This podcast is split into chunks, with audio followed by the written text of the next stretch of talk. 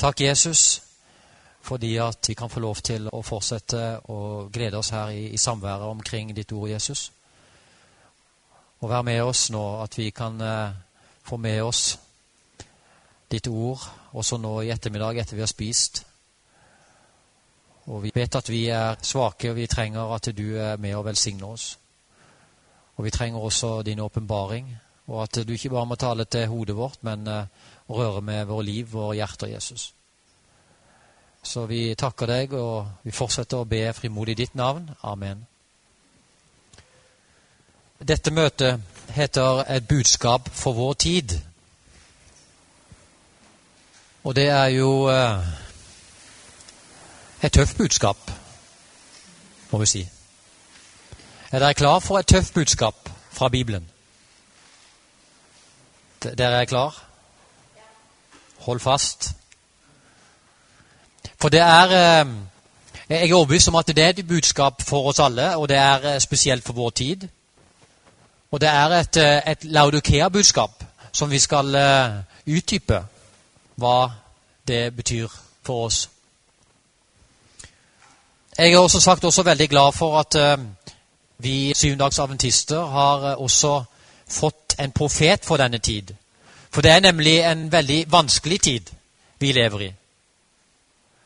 Og vi vet at Bibelen åpenbarer at det vil bli en veldig tøff tid. Og de som vil bli frelst, det er en rest som vil bli frelst. Og hele verden vil følge dyret, som vi leser i Åpenbaringen 13.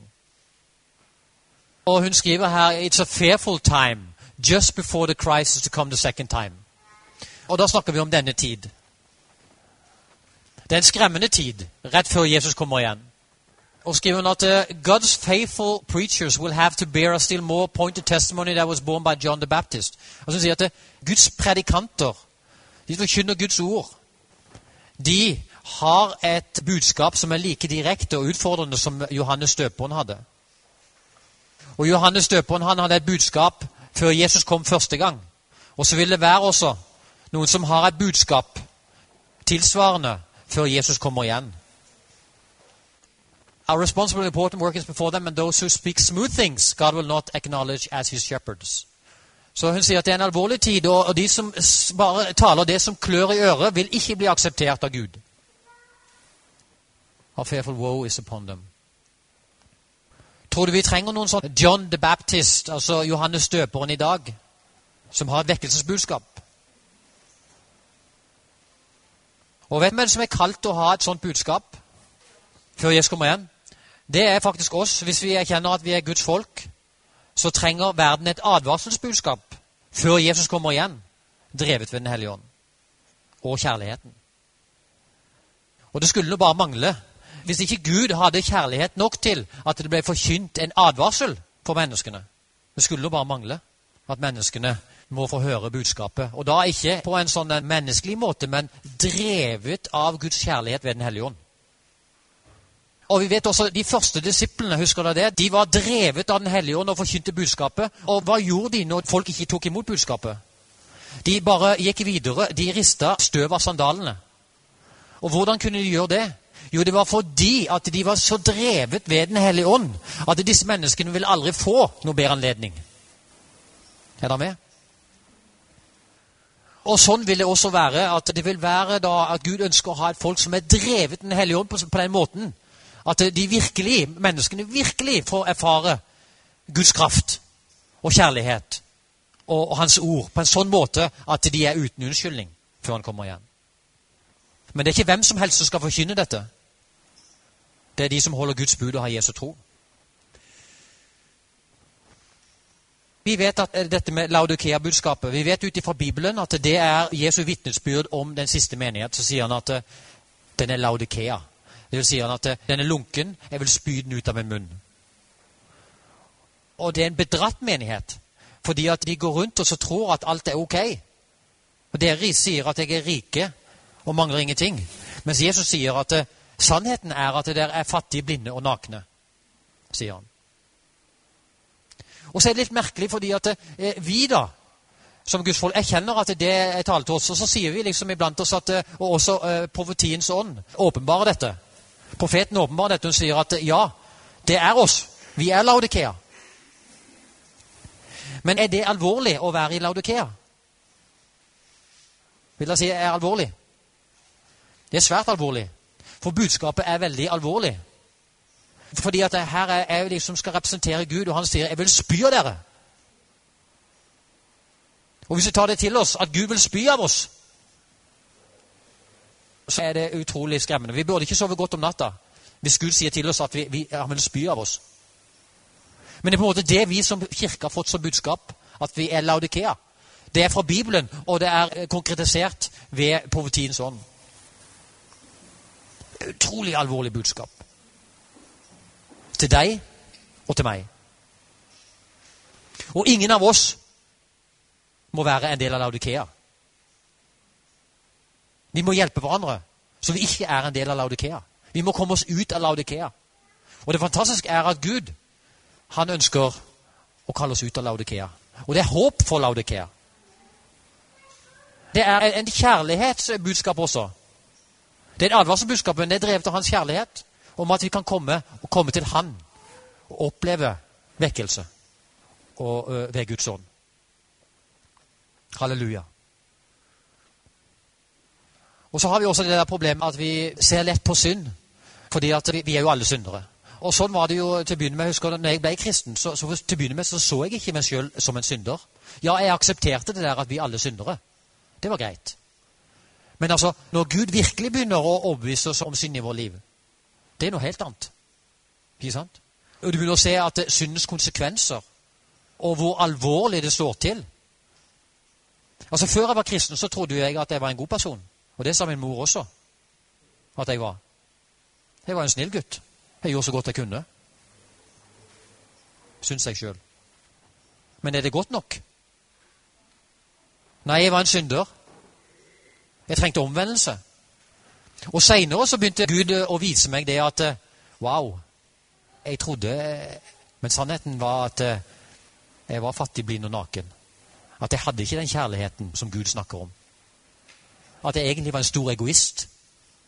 Og det er jeg fortsatt. Men Gud jobber med meg. Halleluja. Og, og mine motiver var feil, osv., osv. Og så husk det er en ting også som jeg husker på. At en ting er jo den at Vi kan jo eh, sette oss ned og gå i kloster, og så kan vi tenke at nå synder vi ikke mer. Men det er jo ikke bare det du gjør galt, men det er jo også det du ikke gjør, som du skulle ha gjort. Ikke sant? Og som vi snakka om i går, til og med det at den alvorlige awful sin of prayerlessness, altså den forferdelige synden av et manglende bønneliv, f.eks. Så når jeg begynner å forstå disse ting, det er da vi virkelig begynner å se at wow, jeg faktisk er skikkelig fortapt. Og det er bare én som kan hjelpe meg, og det er Jesus Kristus. Men det er et problem at vi synes at vi sammenligner oss med hverandre og så videre, og sier ja, ja, vi er alle syndere. Ja, ja, vi er jo Laudikea. Det er jo sant nok, det. Men, men. Vi er jo alle sammen i båt. Men skal vi alle sammen gå i samme båt til fortapelsen? Nei, det vil vi ikke.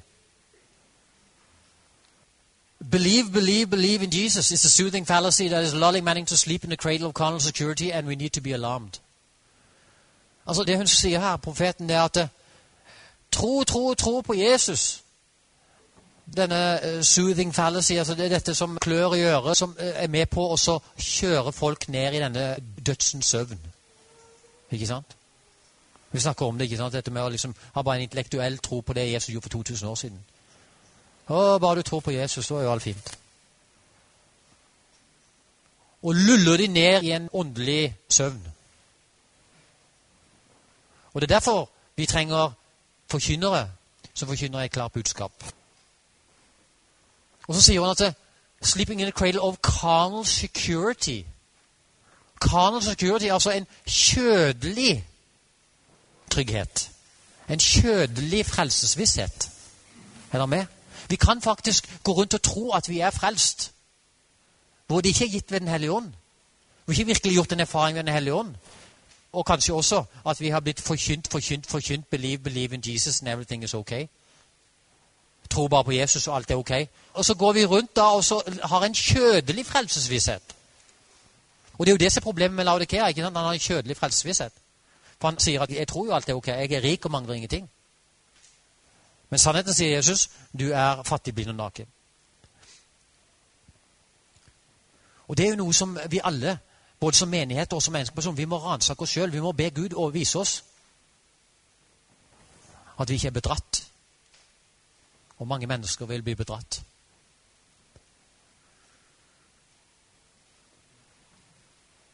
Og evangeliets største hemmelighet, vet du hva det er? Hele kristenheten har fått med seg at Jesus måtte dø. Men evangeliets største hemmelighet, det er at vi også må dø. I betydningen at vi må oppgi vårt eget. Er til å oppgi alt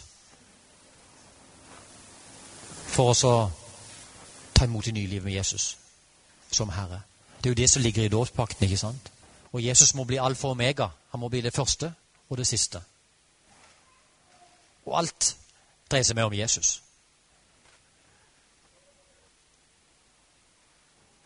The Lord here shows us that the message to be born to his people by ministers who has called to warn the people is not a peace and safety message. Så sier det at uh, disse predikantene, og da snakker vi om forkynnelsen til vi som menigheter, sier hun at uh, de er kalt til å ha ikke et fred og ingen farebudskap.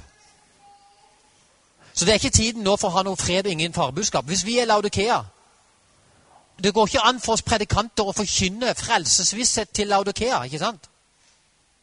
Det er jo det som er problemet, at de har en falsk, kjødelig frelsesvisshet. Så det som må forkynnes, er ikke en fred og ingen farebudskap. Men det som må forkynnes, er at vi er en alvorlig tid, og vi trenger en reell erfaring med Jesus.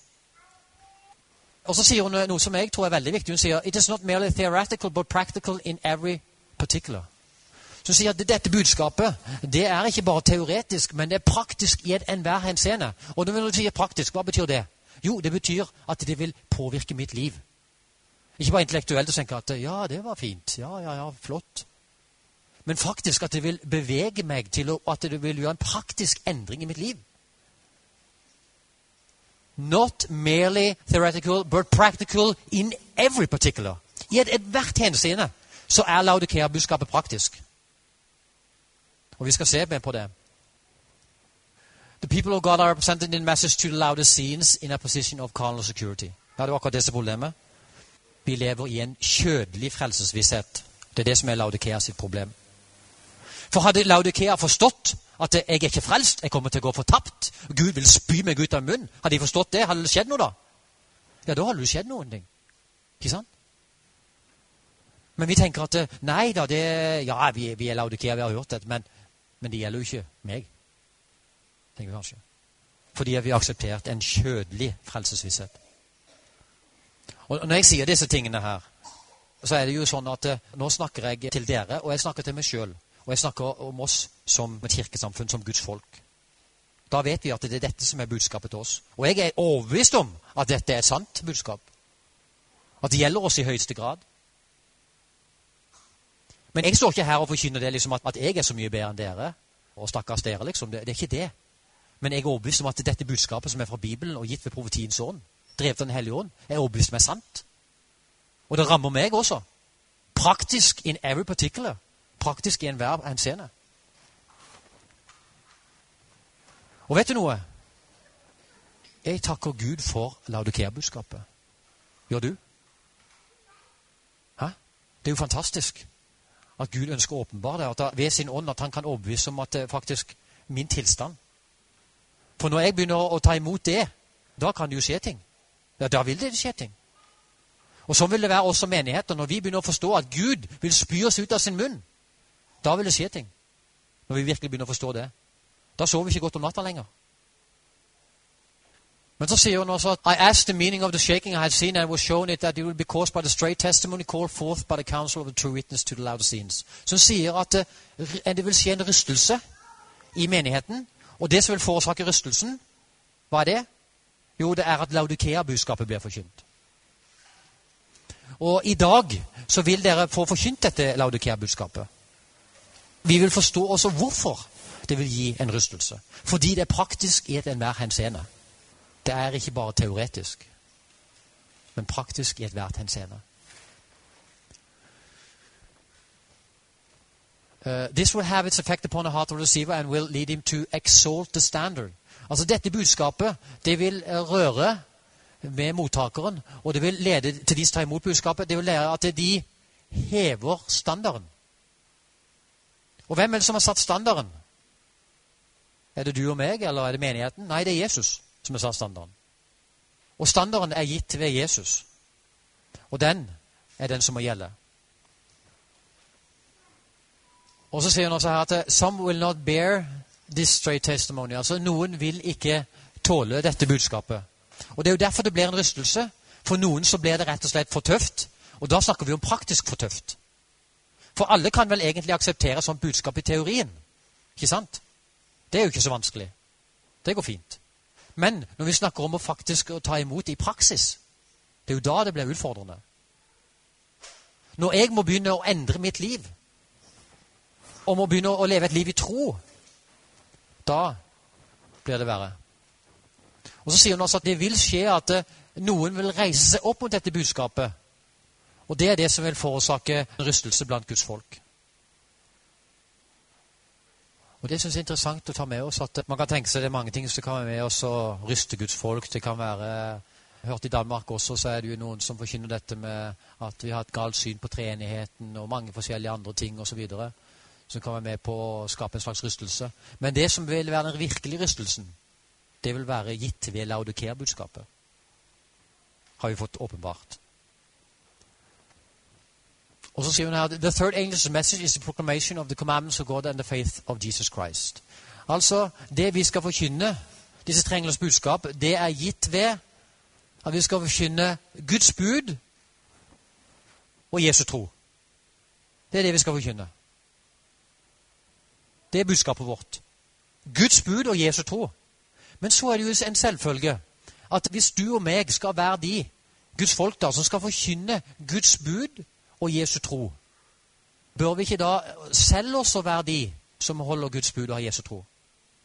Eller hva tenker dere? For Vi kan jo ikke gå ut og forkynne for folk i København Guds bud og ha Jesu tro, at de må holde Guds bud og ha Jesu tro. Hvis vi ikke selv er de som holder Guds bud og ha Jesu tro. Og det er her det, dette radikale kommer inn i bildet. Det er, da, det er da vi skjønner at det her må mirakler til. Og det er jo spørsmålet tror vi det på mirakler. Og så er jo spørsmålet da, eh, Fins det noen i Bibelen som holdt Guds bud og hadde Jesu tro? Ja. F.eks. de første kristne. De hadde en sånn utgytelse ved pinsefestens dag. Du snakker om Den hellige ånd. De hadde en utgytelse av Den hellige ånd på den måten at de faktisk representerte Jesus fullt ut og holdt uh, Guds bud og hadde Jesu tro.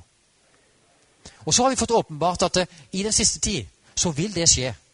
At det vil være et folk hvor det kommer en utgytelse av Den hellige ånd på den samme måten. Og de vil være, representere Gud fullt ut og være blant de som holder Guds bud og har Jesu tro. Ved et mirakel. Ved Guds overnaturlig inngripen ved Den hellige ånd. Halleluja. Og når vi ser på oss sjøl Vi har jo likt som adventister også tro at eh, fordi at vi såkalt holder sabbaten, så har vi å tro at eh, å ja, å ja vi, vi, er de som holder Guds bud og har Jesu tro. Men vi er ikke det. Vi er Laudikea. Og Laudikea Gud vil spy dem ut av sin munn. Ikke sant? Men så har vi gått og vært bedratt og så har vi gått rundt og trodd at vi er de som holder Guds bud av Jesu tro. Fordi at vi, vi stikker innom eh, kirka på et par timer på sabbaten. Er dere med? Vi må ikke bli bedratt.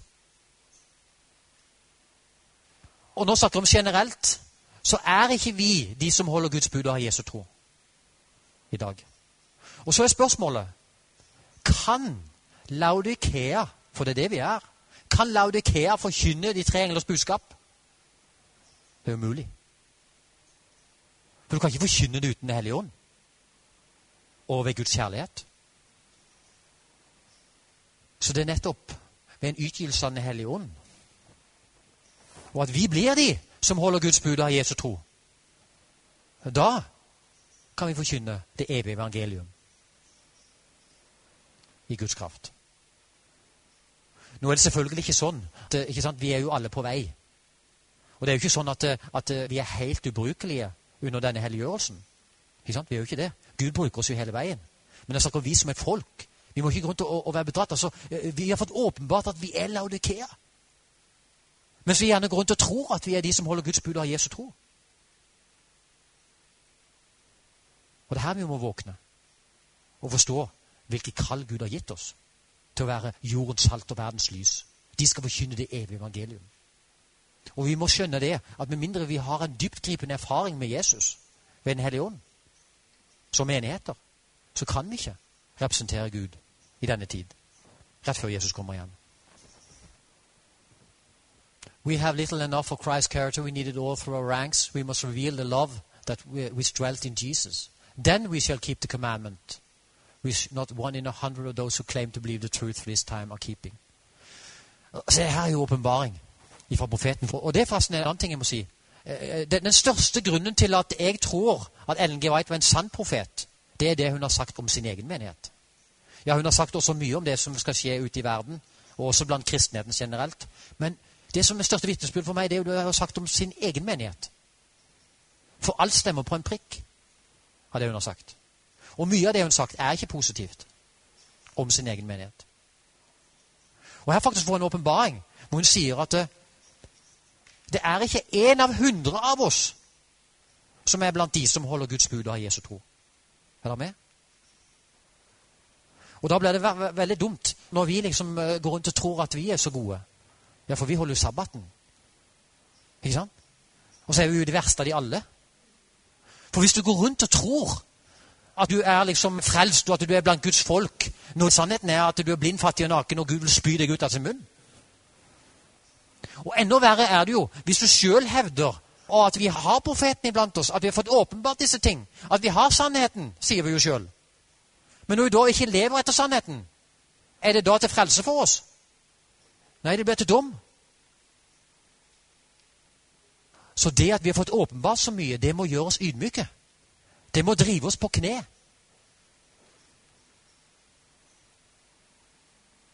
Og ikke at vi må bli sånn som Israel. ikke sant?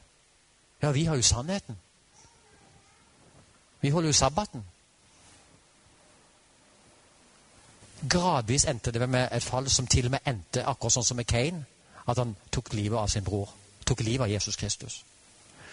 Fordi at når vi først begynner å, ikke ta imot det lys vi har fått, og ikke lever etter det, så vil Satan og hans ånde her virke. Så vi gradvis driver vekk fra Jesus. Og, og, da er det ikke grenser for hvor du kan evne.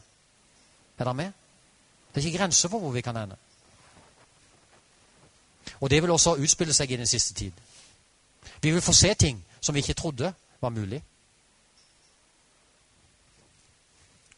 Og hva vil det si å holde Guds bud? At du går i kirka på sabbaten?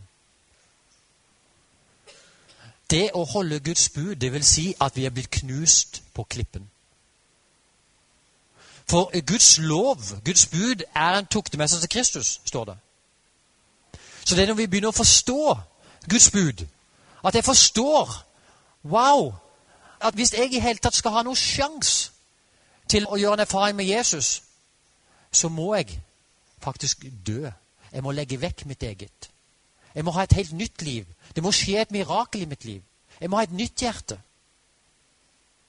Jeg må ha en personlig erfaring med Jesus. Jeg må bli knust på klippen. Så jeg ser at jeg, at jeg er en synder, at jeg har ingenting. Og det har ikke skjedd med oss som menighet. At vi har blitt knust på klippen. At vi har forstått hva det innebærer å si at du holder Guds bud og har Jesu tro.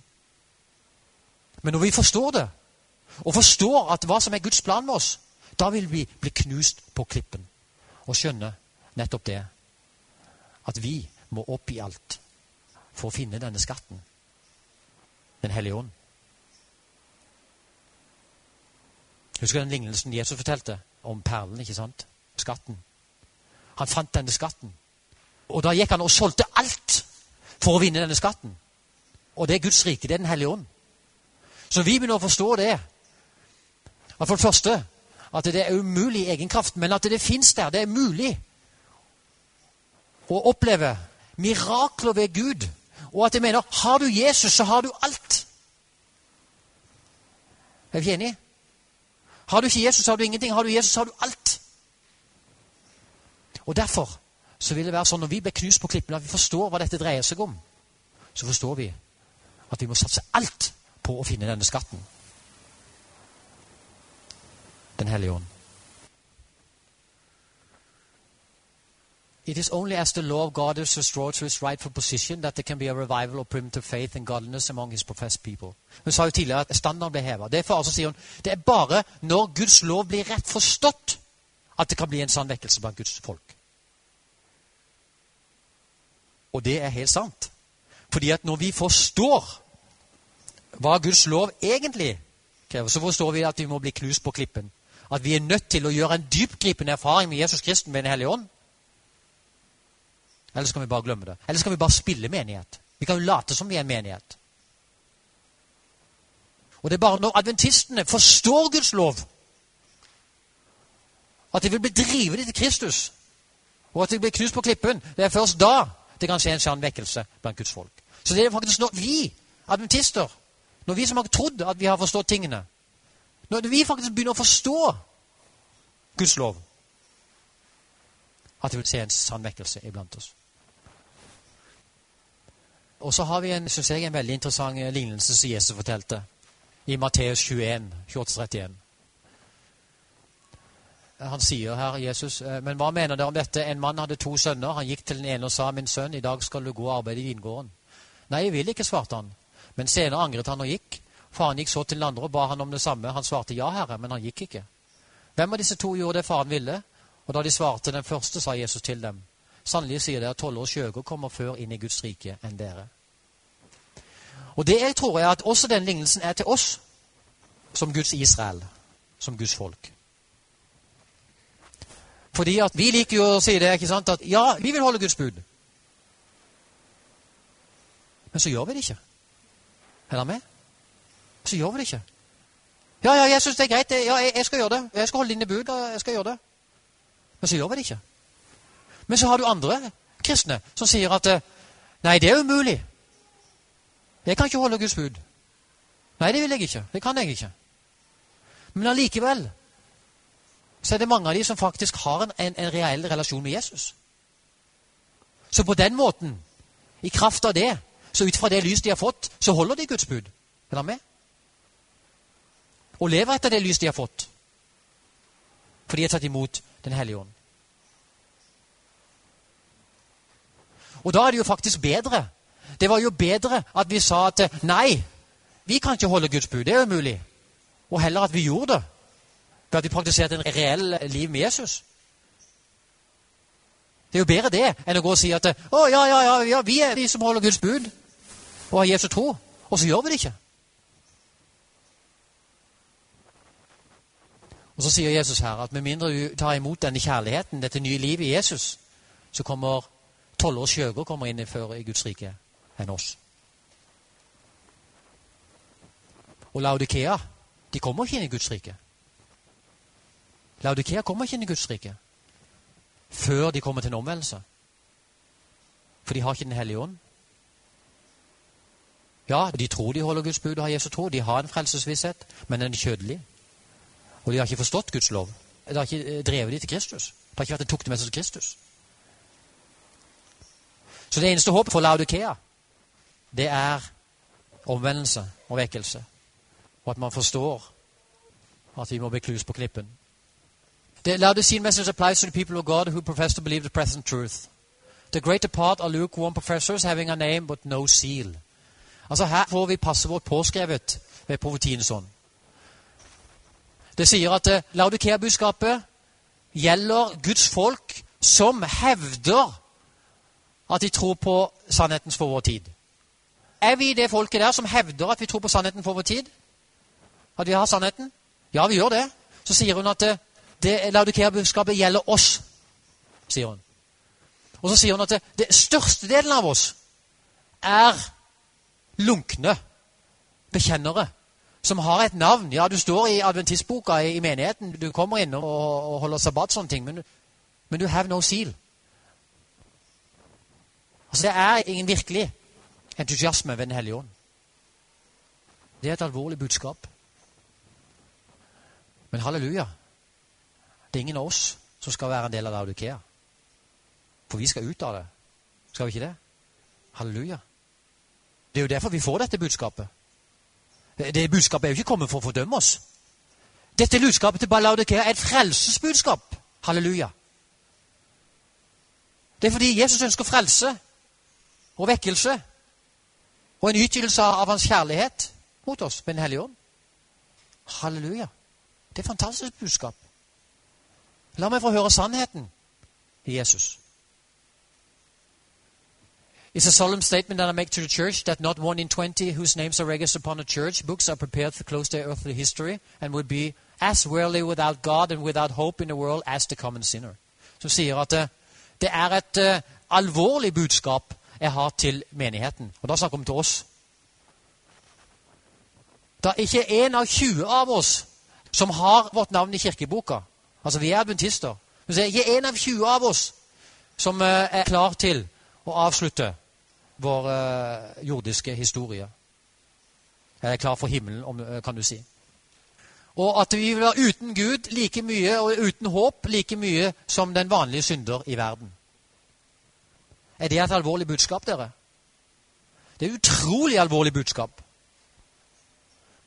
Hun sa først at det, det er ikke en av hundre av oss og, og da snakker hun om, sin tid. Jeg vet ikke hvordan det ville vært i dag. Men hun sier i hvert fall den gangen at det var ikke en av hundre som hadde gjort en erfaring med Gud og gått gjennom en helliggjørelse, sånn at de var blant de som holdt Guds både av Jesu tro. Men her sier hun generelt at generelt så sier hun at det, det er ikke en av 20 av oss som er klar for himmelen hvis Jesus kommer igjen. Men, men jeg er jo skrekkelig glad for sånne åpenbaringer. Er ikke dere? Å få vite sannheten ifra Gud istedenfor å leve på en løgn. Og så få bli alvorlig bedratt. Og hva står du der når Jesus kommer igjen? Men halleluja. Dette er et fantastisk budskap, et frelsesbudskap til oss. Og så sier hun they are professionally serving God, but they are more earnestly serving mammon. Ja, de bekjenner seg og tror på Gud, men i praksis så tjener de mammon, sier hun. This half and half work is a constant denying of Christ rather than a confessing of Christ. Så dette, dette halvveis greiene med ett bein der og ett bein der Det var bedre at du var kald, er jo det det sier. For de lunkne ville han spy ut av sin munn. Det var bedre at du var kald. Det er et alvorlig budskap. Det var bedre at du var kald. Da slapp vi som menighet her å gå og representere Jesus feil. Og si at ja, hei, vi er de som holder Guds bud og Jesus tror. Vi er sannheten. Kom til oss og bli kjent med Jesus. Og så representerer vi ikke Jesus. Så sier Jesus det var bedre du var kald. Og ikke liksom innbille deg at du er kristen uten Den hellige ånd. Utrolig alvorlig budskap. Det var bedre at vi var kalde, enn at vi går lunkne her og stikker innom på sabbaten og lever resten av uka som verden. Er dere med? Det var bedre at vi var kalde. Nå skal vi se litt på Matteus 6, 24 og 25, hvor det står det Og dette har veldig mye med Laudikea-budskapet å gjøre. Vi kan ikke tjene to herrer. Du vil enten hate den ene og elske den andre, og du vil eh, være dedikert til den ene og frakte den andre. Du kan ikke tjene både Gud og mammon, sier Jesus. Og Derfor uh, sier jeg ikke gå og bekymre deg uh, over livet, hva du skal spise og drikke. Og Legg merke til det hun sier 'therefore', altså uh, derfor. Og Det er veldig viktig. det er derfor. Du kan ikke tjene både Gud og mammon. Derfor må du ikke bekymre deg for hva du skal kle deg med, og hva du skal spise. Er dere med? Og for alt det hedningene bekymrer seg for. Er ikke livet mer viktig enn en mat og legemet mer enn en klærne? Du ser jo hvordan Gud kler gresset på marken, som er der i dag, og i, i morgen er det hevet i, i flammene. Vil han ikke mye mer kle deg? You of little faith, du lite troende, sier han. Eh, skal vi være blant de Jesus sier er blant lite troende? Nei, det er ingen av oss som ønsker å være blant de som Jesus sier er liten troende. Men er vi blant de som er lite troende? Og Vi skal se litt på det. Do not worry saying what shall we eat. Altså, Vær ikke bekymret og si hva skal vi spise eller hva skal vi drikke, og hva vi skal ha på oss. For the pagans, altså hedningene, altså de ute i verden, de er opptatt av de ting. Men deres himmelske far vet at dere trenger dette. Søk først Guds rike og hans uh, rettferdighet, og alle disse ting vil bli gitt deg. Halleluja. Er det et løfte vi tror på? Altså, Hør nå her. Her sier Jesus du skal slippe å bekymre deg sånn som du gjør ute i verden. Og ikke bare det, sier han. Du må slippe å, å bekymre deg sånn som de gjør ute i verden. For ellers vil du tjene mammon. Du kan ikke tjene både Gud og mammon. Derfor så må du ikke bekymre deg for livet, sånn som eh, de ute i verden gjør. Og er opptatt av hva de skal kle seg med, og hva de skal spise, og utdannelse, og alt dette her. Hvis vi får tak i dette, så er det jo, er det jo fantastisk. Men vi må jo gripe det i tro, da. Han spør «Eh, dere lite troende, sier han. Dere lite troende. Men hvis vi har tro, så sier han at ok, dere kan bli fri. Dere kan få lov til å være fri. Dere skal gi alt det andre i tillegg. Jeg vet jo at dere trenger det. Hallo! Tror dere at jeg er en, en far i himmelen som bryr meg om deg? Jeg eh, vet ikke jeg at du trenger mat og klær, sier Gud. Når du til og med som er ond, vet å gi barnet dine gode gaver. Hæ? Hallo! Hva med meg, da? Skulle ikke jeg ta vare på deg? Hvor ble det av troen? sier han. Dere lite troende. Men jeg ønsker jo at du skal være fri og slippe å bekymre deg for disse ting. Og her kommer vi med en radikal uttalelse. Eh, eh, den har jeg ikke henta fra profeten. Den jeg skrevet sjøl. Men jeg tror han er sann for det. Og det er Dersom du går på jobb for å tjene penger, så tjener du mammon. Det må vi snakke litt om. Dersom du går på jobb for å tjene penger Altså Hvis motivet ditt er bare for å tjene penger, så tjener du mammon. Og du er akkurat blant de lite troende som er opptatt av hva du skal kle deg med, og hva du skal spise. Ikke sant? Ja, du går på jobb fordi at ja, vi må jo ha mat. Vi må jo ha klær. Jeg må jo ha hus. Jeg må jo sørge for min familie. Og er ikke det sant? Jo, det er jo sant, det. Men så sier Jesus at eh, da er du akkurat som hedningene. Du er jo akkurat som de ute i verden, jo. Hallo, nå skal du begynne å leve et liv i tro. Hallo, eh, du kan ikke tjene både Gud og mammon. Derfor må du ikke være opptatt av de tingene.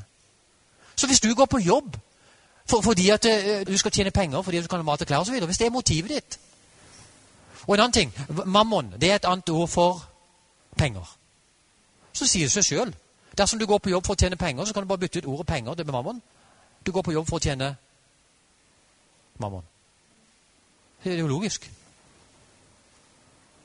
Og så er spørsmålet det, er Gud fornøyd med at vi er kristne på fritida?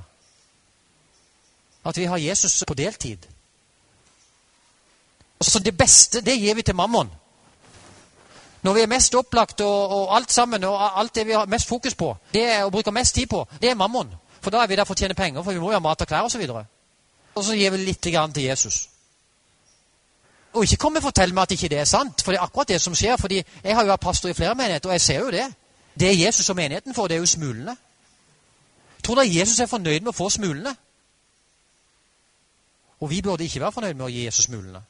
For da går vi glipp av alt. Og her har han gitt oss disse fantastiske løftene og sagt at hallo. Nå har du tenkt å komme til meg og finne hvile. Når har du tenkt å komme til meg og finne hvile? Når har du tenkt å begynne å leve et liv i tro? Hæ? Har du tenkt å fortsette sånn å leve akkurat som hedningene der ute? Og tjene mammon? Og så kan jeg få smulene? Og du tror at du liksom holder Guds bud og har Jesu tro? Og du tror at du skal være de som skal gå og forkynne det evige evangelium? Når du tjener mammon? Og jeg vil spy deg ut av din munn? Og det var bedre at du var kald? Men jeg tror personlig at dette er hovedårsaken til at vi er i Laudikea. Dette er hovedårsaken til at vi er i Laudikea. For de fleste av oss vi er opptatt av å gå på jobb for å tjene penger, så vi kan ha mat og klær og hus og alt det vi trenger. Og så får Jesus mulene. Men noe helt annet er jo det at når vi begynner å leve et liv i tro, og virkelig begynner å be og drevet Den hellige ånd, og du går på jobb Og det er jo ikke galt å gå på jobb og få penger. altså, Hør, dette er viktig. Jeg har aldri sagt Jeg har ikke sagt at det er galt å gå på jobb og få penger. Er dere med? Jeg har ikke sagt det. Jeg har sagt, det, det er galt å gå på jobb hvis motivet ditt er å tjene penger. Ikke sant? Da tjener du mammon. Men hvis du går på jobb, og du gjør det fordi at du lever liv i tro, og du tror faktisk at gjennom bønn og du er leder, at Gud er med deg, og at du er der på jobb for å tjene Jesus og dine medmennesker. Og pengene er helt underordna. Men det at du får penger, det er jo ikke noe galt i det. Ikke sant? Så Du kan f.eks. være en sykepleier hvor du er faktisk eh, en sykepleier hvor du tjener mammon. Men du kan òg være en sykepleier og tjene Gud. Er dere med? Og sånn sett, Du kan jo til og med få de samme pengene. Men poenget er at når vi begynner, og ikke bare på fritida, men på fulltid, begynner å bli opptatt av at jeg lever livet med Jesus, og, Jesus skal være herre 100% Og jeg er ikke på jobb for å tjene penger. Nei, jeg er på jobb for å tjene Jesus. Og jeg er der fordi jeg tror at Gud har en plan med mitt liv. Og, og disse med pengene er helt underordna, for jeg vet jo at Gud han tar vare på meg. Han har jo sagt det, at han skal uh, kle oss. Og hvis du søker Hans rike først, så skal du få alt det andre i tillegg. Halleluja.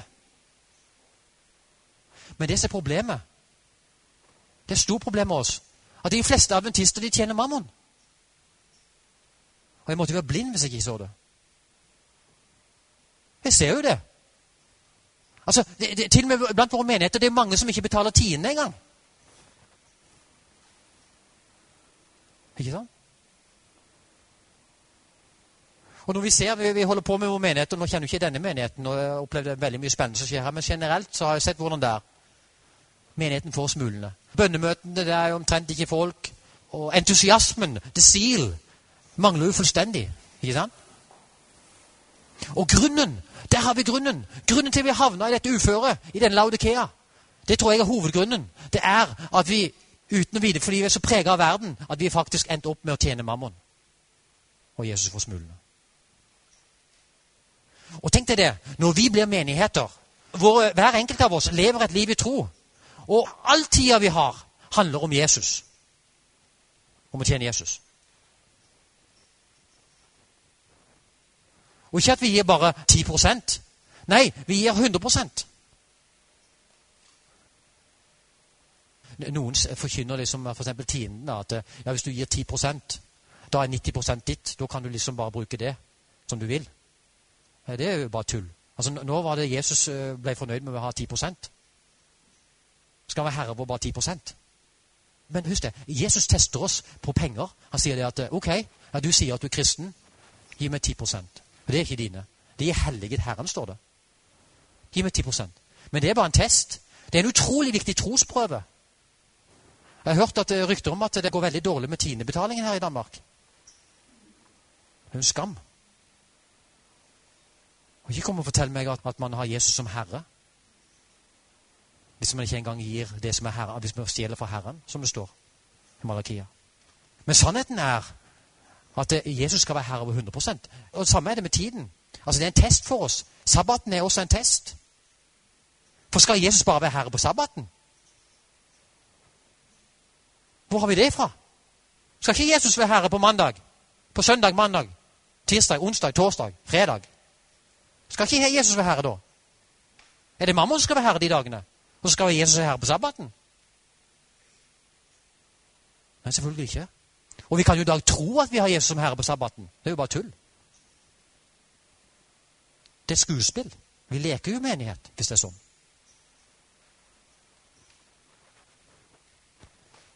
Nei, men det er riktig det at det er et utrolig viktig trostest for oss å begynne å betale tiden til Gud. Men det han ønsker, er jo at han skal være herre over hele vårt liv. Av all vår tid. Og også penger og ressurser. Ikke sant?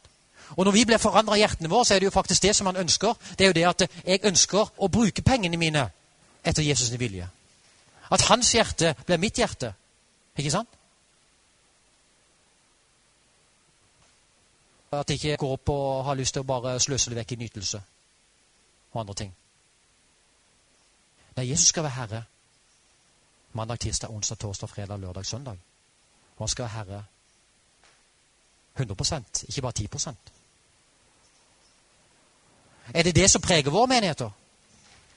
Og når jeg hører det, at de sliter i, i, i Danmark her Så dette er veldig viktig.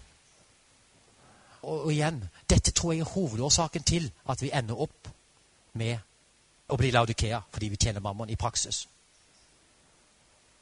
Og det er bare å se på faktaene, så er det sånn.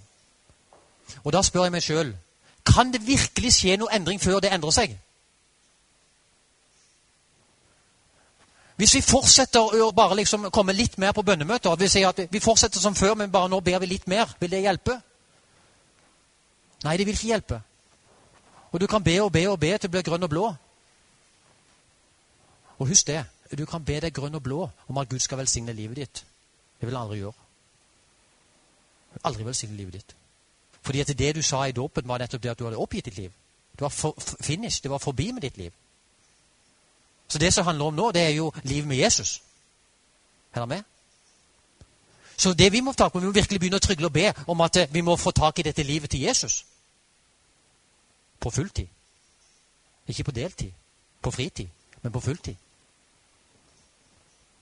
Og det livet der, det er allerede velsigna i bøtter og spann. Og han sier, 'Søk først Guds rike, skal du få alt det andre i tillegg'. Halleluja. Halleluja. Forstår vi nå, nå hvorfor dette Laudikea-budskapet er practical in every particular? At det praktisk er enhver henseende? Forstår vi det? Det er ikke noe vi kan sitte i ro og bare liksom eh, Ja, ok, ja, ja, mm, fint. Det aksepterer vi intellektuelt. Men det må jo skje noe radikalt endring i våre menigheter.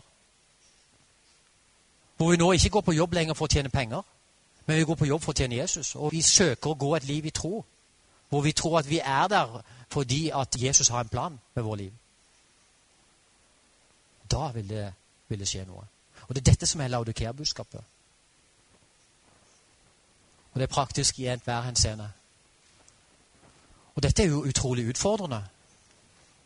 Det er jo utrolig utfordrende. For det er jo her troen kommer inn i bildet. Det er jo da vi begynner å snakke om å tro. Ikke bare intellektuelt tro på ja, ja, ja, jeg tror på Jesus, det har gjorde for 2000 år siden. Det er jo nå vi begynner å snakke om å leve i tro. Eller med? Det er jo nå det begynner virkelig å få praktiske konsekvenser. Vi kan jo bare snakke fint og synge fine lovsanger osv. Men det er jo faktisk når vi virkelig begynner å berøre livene våre, og vi må endre livene våre, og vi begynner å leve et liv i tro, det er jo da vi begynner å snakke. Og før det så kan vi ikke snakke, sier Jesus. Og det er jo det du har sagt i dåpen. Du har sagt det at du skal ha Han som Herre. Du er villig til å dø, til oppgi alt ditt eget. Det er din egen begravelse. Så en som betyr noe nå, det er å søke Guds planer med ens liv. Helhjertet.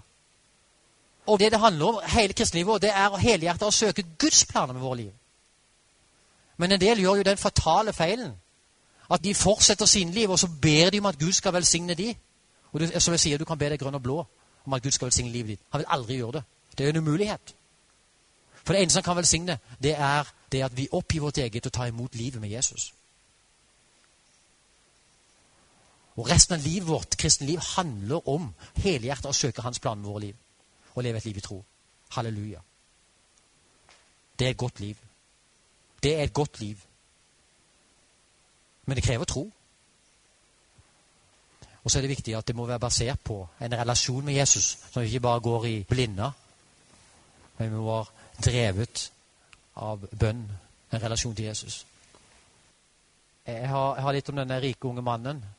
Hvor mange minutter har vi igjen? Du har denne historien om den rike unge mannen som et bevis på dette. Han kommer til Jesus. Og, og, denne mannen har veldig lyst til å tilhøre Jesus. Han har veldig lyst til å komme til himmelen. Han tror på Jesus. Absolutt. Han kommer, eh, Jesus, Jesus, hva, hva skal jeg gjøre for å bli frelst? For å komme til Guds rike? Og så sier Jesus dette utrolige. Gå og selg alt du eier. Så kan du komme til meg. Og så er det den rike unge mannen. Han skjønner det at eh, ok, nei, så mye tro har jeg ikke. Jeg er ikke villig til å oppgi alt. Og det er jo tragisk. Fordi han ikke var villig til å oppgi alt, så mista han alt. Det er ikke utrolig tragisk? Det er en tragedie. Men hvordan ville det vært i dag hvis man har en sånn forkynnelse. For her kommer denne her, han, han har jo virkelig ønske om å være en kristen. Det er jo en, en kjempemann, dette her. Sånn sett. Og Jesus hadde virkelig kjærlighet og medynk for denne mannen. Og han ønska å komme til Jesus. Han ønska å være en kristen. Men dessverre, når han ble satt på prøven, om han var villig til å gå i dåpens vann, egentlig? For det å gå i dåpens vann er nettopp det at du er villig til å oppgi alt for Jesus. Setter han først. Når han ble virkelig prøvd på det, Så sier han at eh, Nei, så mye tro har jeg ikke. Og han gikk bedrøvet bort. Og Det samme spørsmålet kommer til oss. Er vi villige til å gå i tro, til å gi alt for Jesus? Og Profeten skriver om denne historien. Thousands are passing through this ordeal, weighing Christ against the world. Altså Tusenvis går gjennom samme testen og må eh, veie Kristus mot verden. And many choose the world. Og mange velger verden. Like the young ruler, they turn from the Savior, saying their hearts, I will not have this man as my leader. Altså, Mange, som den rike unge mannen, så vender de seg bort fra deres frelser og sier i sitt hjerte, jeg vil ikke ha denne mannen som min leder. Så sier Only those who will become co-workers with Christ, only those who will say, Lord, all I have, all I am is thine, will be acknowledged as sons and daughters of God. Så sier det, og dette er jo helt bibelsk, at eh, bare de som vil være medarbeidere av Kristus, og da snakker vi ikke om, om deltid eller fritid, vi snakker om fulltid. Bare de som vil bli disipler av Kristus, som vil gi helt, seg selv helt og fullt til Jesus Kristus, kan. Og som vi sier, all I have, all I am, som vil gi alt det de har, og alt det de er, til Jesus Kristus, kan være hans barn.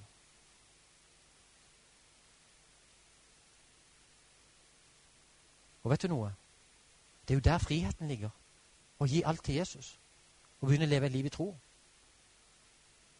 Det er jo da det blir spennende å bli kristen. Det er jo da det blir liv. Ånd og liv. Halleluja. Men i dag så hadde mange ikke tålt Jesus og hans forkynnelse. For hva ville de sagt? Ja, her kommer denne snille unge mannen. Han ønsker jo å bli en kristen. Og det du gjør, Jesus, du sender jo rett på dør igjen. Du er jo galen. Men det er bare ett evangelium. Det er bare ett evangelium. Og det er dette evangeliumet her. Jesus må bli herre i vårt liv. Vi må oppgi alt for ham. Og han må få førsteprioriteten i vårt liv. Og han vil bli herre både over tid og våre penger.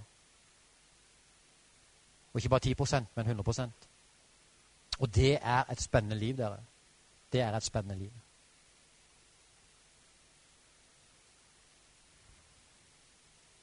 Så avslutter vi med dette. For hun fikk se også som er bibelsk. Vision that representation passed before me, a great performative movement among God's people. Many were praising God, the sick were healed, and other miracles were wrought. Hundreds of thousands were seen visiting families, open for them were God. Hearts were convicted by the power of the Holy Spirit, and the spirit of genuine conversion was manifest. Så hun sier, og hun fikk også se at blant oss, blant Guds folk, så vil det skje i den siste tid en sann vekkelse og en utgytelse av Den hellige ånd, et seinregn som vil komme. Og så er jo spørsmålet vil du og meg være en del av det. Jeg ønsker å være en del av det. Og jeg mener at det er verd å ofre noe for. Det er verd å satse alt på for å finne denne skatten. Gå og selg alt for å finne denne skatten. Sett alt på å finne Den hellige ånd. Og da, når vi sammen nå opplever å komme ut av Laudikea og oppleve denne vekkelsen, og det blir utvidelse av Den hellige ånd, da vil vi oppleve disse ting. Og da vil også Guds verk bli avsluttet her på jorden, og Jesus skal komme igjen for å sette oss i endelig frihet, for å ta et oppgjør med alt det onde. Halleluja. Det er gode nyheter.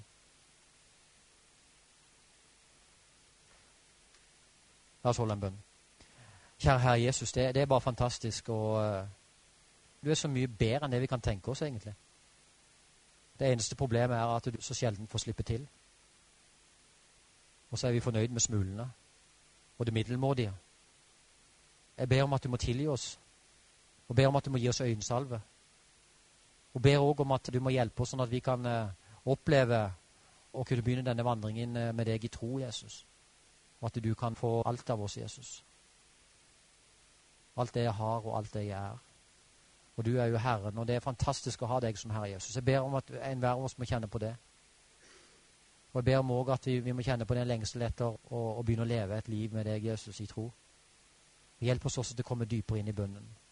Hjelp oss til å gå i dine ferdiglagte gjerninger. Vær oss nådig. Vi ber om Din Hellige Ånd. Takker og ber I ditt navn, Herre Jesus Kristus. Amen.